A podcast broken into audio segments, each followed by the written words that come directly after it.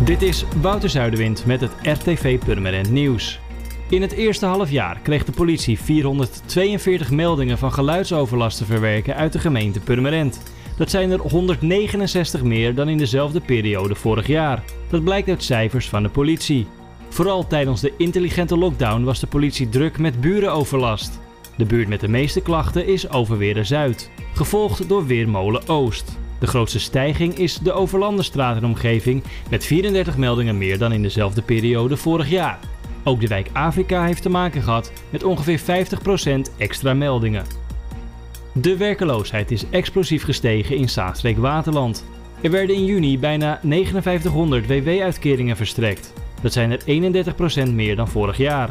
De gevolgen van de coronacrisis zijn het sterkst zichtbaar in de gemeente Zaanstad. Daar zijn 37% meer WW-uitkeringen dan een jaar eerder. Goede tweede is Purmerend. Hier is er een stijging van 30% ten opzichte van dezelfde periode vorig jaar. Purmerend telt 1500 WW-uitkeringen. De branches waar momenteel de hardste klappen vallen zijn cultuur, de uitzendbranche en horeca. Woensdagavond rond half tien is aan de Newtonstraat in Purmerend een incident tussen twee mannen geweest. De een deelde een flinke klap uit aan de ander. Dit leverde hem een scheur in het oor op. Na te zijn behandeld door de ambulance kon de man naar huis. Volgens de politie was een ruzie en de bijbehorende irritatie tussen de twee mannen de reden voor de matpartij. En het gebruik van het openbaar vervoer in de regio rond Amsterdam is door de coronacrisis sterk verminderd. De reizigersaantallen blijven ondanks de versoepelingen met meer dan 60% achter ten opzichte van het aantal passagiers in 2019.